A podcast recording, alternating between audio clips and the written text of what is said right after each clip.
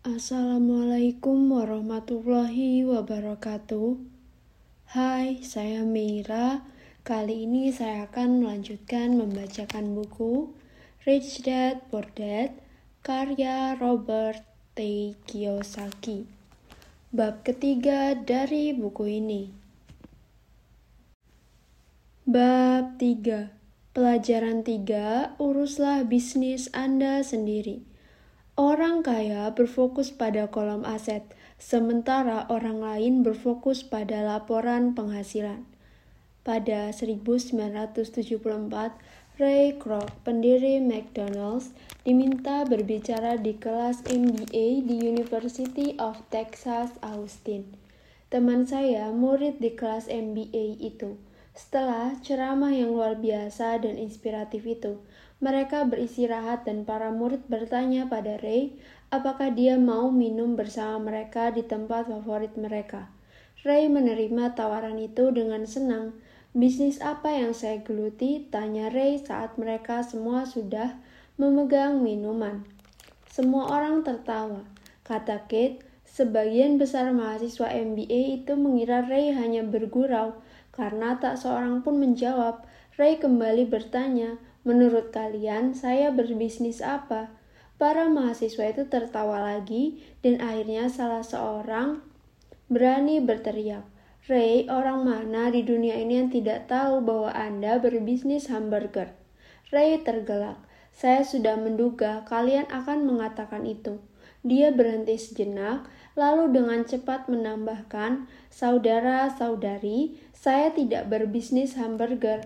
Bisnis saya adalah real estate." Menurut cerita teman saya itu, Ray meluangkan cukup banyak waktu untuk menjelaskan sudut pandangnya. Dalam rencana bisnisnya, Ray tahu bahwa fokus bisnis utama adalah menjual waralaba hamburger, tapi yang tak pernah lolos dari pandangannya adalah lokasi tiap waralaba itu. Dia tahu properti dan lokasinya adalah faktor yang paling signifikan dalam keberhasilan setiap waralaba. Pada dasarnya, orang yang membeli waralaba juga membeli tanah di bawah waralaba untuk perusahaan Ray Kroc. Sekarang McDonald's adalah pemilik tunggal real estate terbesar di dunia. McDonald's memiliki beberapa perempatan dan sudut jalan paling berharga di Amerika, juga di bagian-bagian lain dunia. Teman saya menganggap itu salah satu pelajaran terpenting dalam hidupnya. Saat ini dia memiliki jasa pencucian mobil, tapi bisnisnya adalah real estate di bawah perusahaan pencucian mobil itu. Bab sebelumnya ditutup dengan diagram yang menggambarkan kebanyakan orang bekerja untuk orang lain, tapi bukan untuk diri mereka sendiri. Pertama-tama mereka bekerja untuk pemilik perusahaan, lalu untuk pemerintah lewat pajak, dan akhirnya untuk bank yang memilih hipotek mereka. Ketika saya masih kecil, tidak ada McDonald's di dekat rumah kami.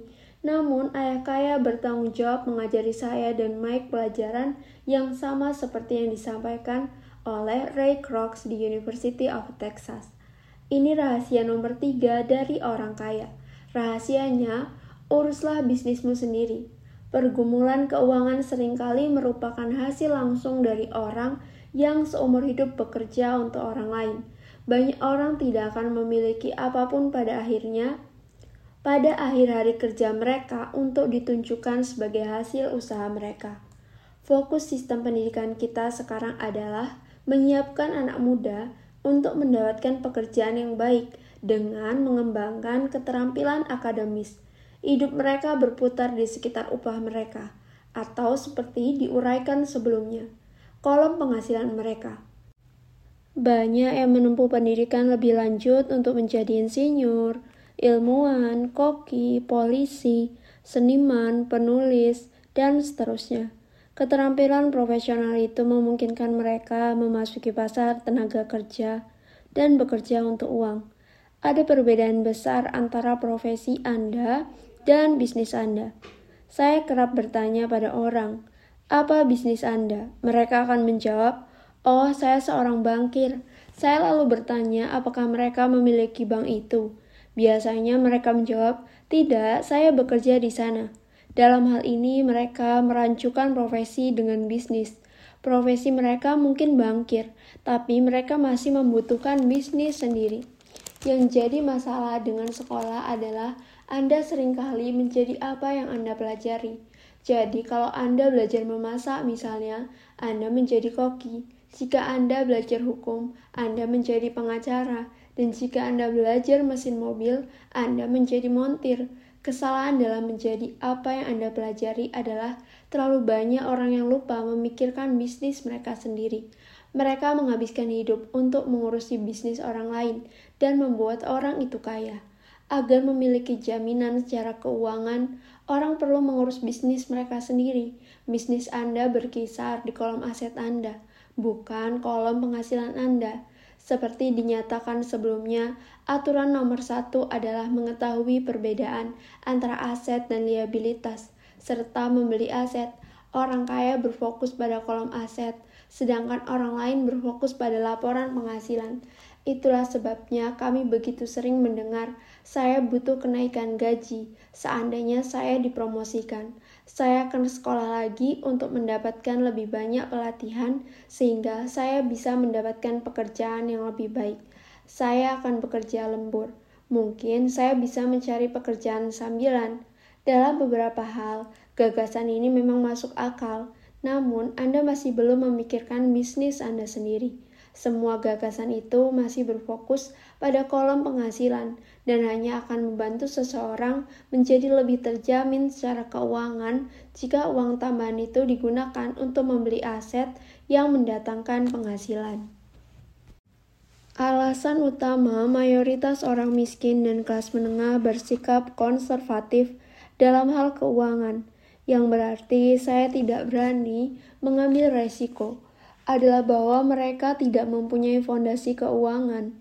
Mereka harus menggantungkan diri pada pekerjaan mereka dan bermain aman. Ketika perampingan perusahaan menjadi hal yang banyak dilakukan, jutaan karyawan mendapati hal yang konon adalah aset terbesar mereka, rumah mereka, menelan mereka hidup-hidup, aset mereka menggerogoti uang mereka setiap bulan, mobil mereka, aset lainnya juga menelan mereka hidup-hidup. Peralatan golf di garasi seharga 1000 dolar kini tidak senilai 1000 dolar lagi. Tanpa jaminan kerja, mereka tidak punya apa-apa untuk bersandar saat jatuh.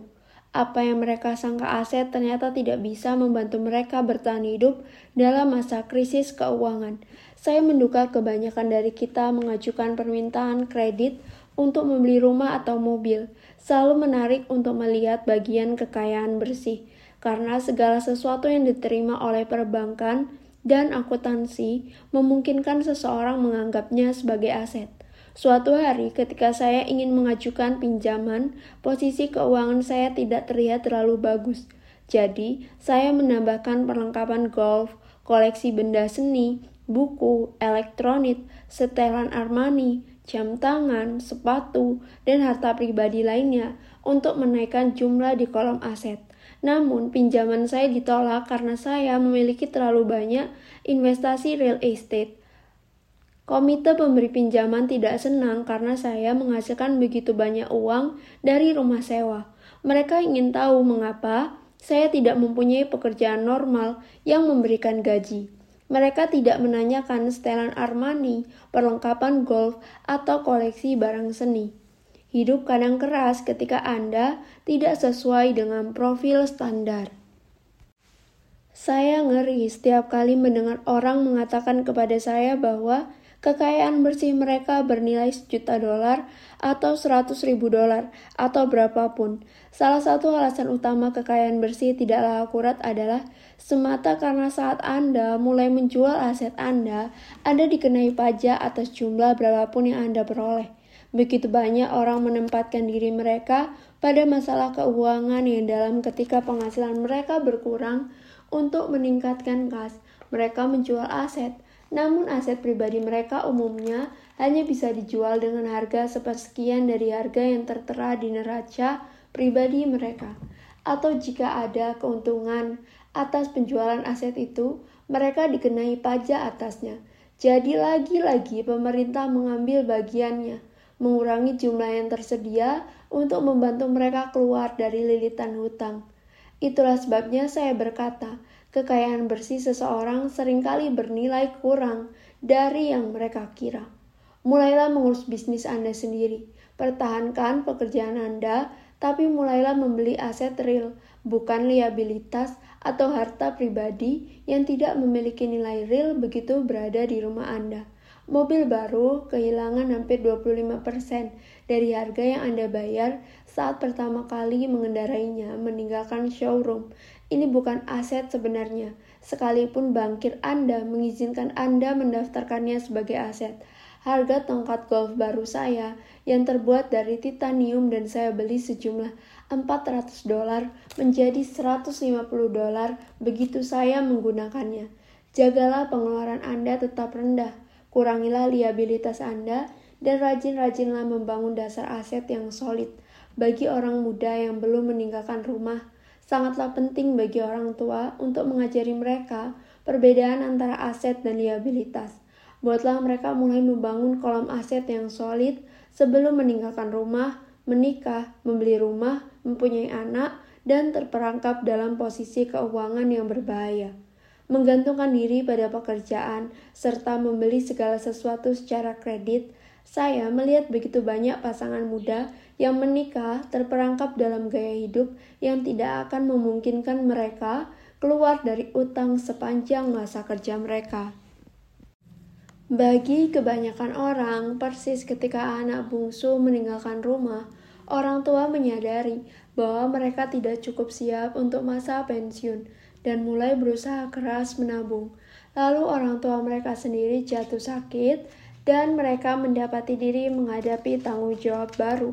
Jadi, aset seperti apa yang saya sarankan untuk Anda atau anak Anda bangun di dunia nyata? Di dunia saya, aset real terbagi menjadi beberapa kategori berbeda. Yang pertama, bisnis yang tidak menuntut kehadiran saya. Saya memilikinya tapi bisnis itu dikelola atau dijalankan oleh orang lain. Jika saya harus bekerja di sana, itu bukan bisnis, itu menjadi pekerjaan saya. Yang kedua, saham. Yang ketiga, obligasi. Yang keempat, real estate yang mendatangkan penghasilan. Yang kelima, surat utang. Yang keenam, royalti dari properti intelektual seperti musik, naskah, dan paten. Yang ketujuh, segala sesuatu yang memiliki nilai mendatangkan penghasilan atau pertambahan nilai serta mempunyai pasar yang siap. Ketika saya masih muda, ayah saya yang berpendidikan mendorong saya untuk mendapatkan pekerjaan yang terjamin. Namun, ayah kaya mendorong saya untuk mulai membangun aset yang saya sukai. Kalau kau tidak menyukainya, kau tidak akan menjaganya. Saya mengumpulkan real estate semata karena saya menyukai bangunan dan tanah. Saya senang membelinya dan saya bisa memandanginya sepanjang hari. Ketika masalah muncul, masalah itu tidak terlalu buruk sampai-sampai mengubah kecintaan saya pada real estate. Orang yang membenci real estate sebaiknya tidak membelinya. Saya juga suka saham perusahaan kecil, terutama yang baru berdiri, karena saya seorang entrepreneur, bukan orang korporasi. Selama bertahun-tahun awal, saya bekerja di perusahaan-perusahaan besar seperti Standard Oil di California, Corps Marinir Amerika Serikat, dan Sarah Crops. Saya menikmati waktu saya bersama perusahaan-perusahaan itu dan memiliki kenangan yang indah. Tapi di lubuk hati terdalam saya tahu, saya bukanlah orang perusahaan. Saya senang mendirikan perusahaan, tapi saya tidak senang menjalankannya. Jadi, saham yang biasanya saya beli adalah saham perusahaan kecil Kadang, saya bahkan memulai perusahaan dan menjadikannya perusahaan publik. Keuntungan dihasilkan dalam saham baru, dan saya menyukai permainan itu. Banyak orang takut akan perusahaan kecil dan menyebutnya beresiko. Dan memang betul, namun resiko itu bisa disingkirkan bila Anda menyukai investasi itu, memahaminya, dan mengetahui permainannya. Dengan perusahaan kecil, strategi investasi saya adalah menghabiskan saham dalam setahun. Di pihak lain, strategi real estate saya adalah mulai secara kecil-kecilan serta terus meningkatkannya menjadi properti yang lebih besar. Dan karena itu, menunda pajak atas perolehan keuntungan. Ini memungkinkan harga naik secara dramatis. Biasanya saya menahan real estate selama kurang dari tujuh tahun. Selama bertahun-tahun, bahkan waktu masih bergabung dengan Korps Marinir dan Xerox, saya melakukan apa yang direkomendasikan oleh ayah kaya. Saya tetap bekerja, tapi masih mengurusi bisnis saya. Saya aktif di kolom aset, memperdagangkan real estate dan saham kecil. Ayah kaya selalu menekankan pentingnya melek keuangan. Semakin baik saya memahami akuntansi dan manajemen uang, semakin baik pula saya dalam menganalisis investasi dan pada akhirnya memulai serta membangun perusahaan saya sendiri. Saya tidak mendorong siapa pun memulai sebuah perusahaan kecil kecuali mereka sungguh-sungguh ingin dan mau, karena mengetahui apa yang saya ketahui tentang menjalankan sebuah perusahaan.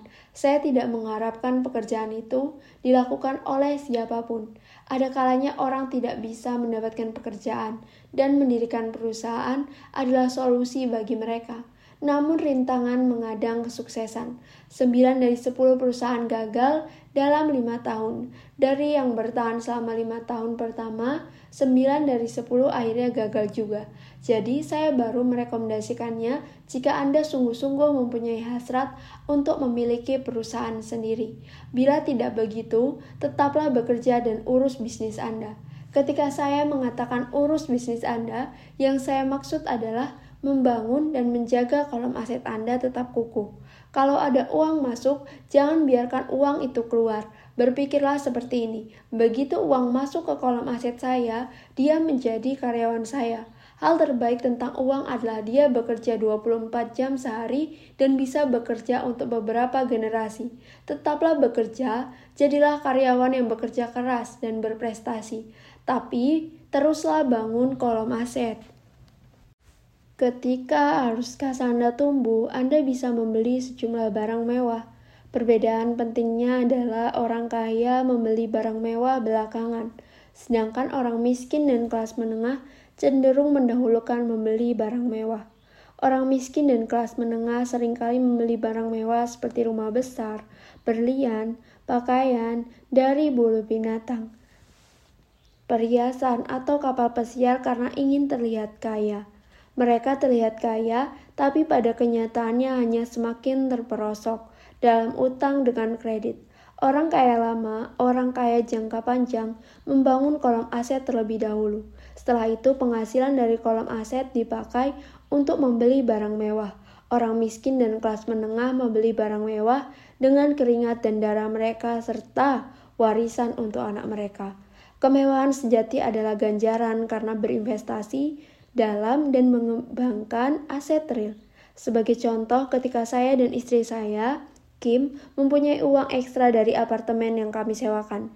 Dia membeli Mercedes. Hal ini tidak membutuhkan kerja ekstra atau resiko karena apartemen itulah yang membelikan mobil tersebut. Dia memang harus menunggu selama 4 tahun. Seiring pertumbuhan investasi portofolio real estate itu akhirnya mulai mengeluarkan arus kas ekstra yang cukup untuk membeli mobil tersebut. Namun, barang mewah itu, Mercedes, adalah hadiah yang real karena istri saya membuktikan bahwa dia tahu cara menumbuhkan kolom asetnya. Sekarang mobil itu lebih berarti baginya ketimbang mobil bagus lainnya. Mobil itu melambangkan dia menggunakan kecerdasan keuangan untuk mendapatkannya. Berbeda dengan istri saya, kebanyakan orang secara impulsif membeli mobil baru atau barang mewah lainnya secara kredit. Mereka mungkin sedang bosan dan hanya ingin mainan baru. Membeli barang mewah secara kredit sering kali menyebabkan seseorang pada akhirnya membenci barang mewah itu karena utang yang ditimbulkannya menjadi beban keuangan. Setelah Anda meluangkan waktu dan berinvestasi serta membangun bisnis sendiri, Anda siap mempelajari rahasia terbesar orang kaya, rahasia yang menempatkan orang kaya jauh di depan kebanyakan orang. Baiklah, bagian kali ini telah usai. Terima kasih untuk teman-teman yang telah mendengarkan. Semoga mendapat banyak hal bermanfaat dari buku ini. Bagi teman-teman yang ingin memberi saran atau merekomendasikan buku untuk dibaca, bisa disampaikan melalui kolom komentar. Terima kasih. Sampai jumpa di audiobook selanjutnya. Wassalamualaikum warahmatullahi wabarakatuh.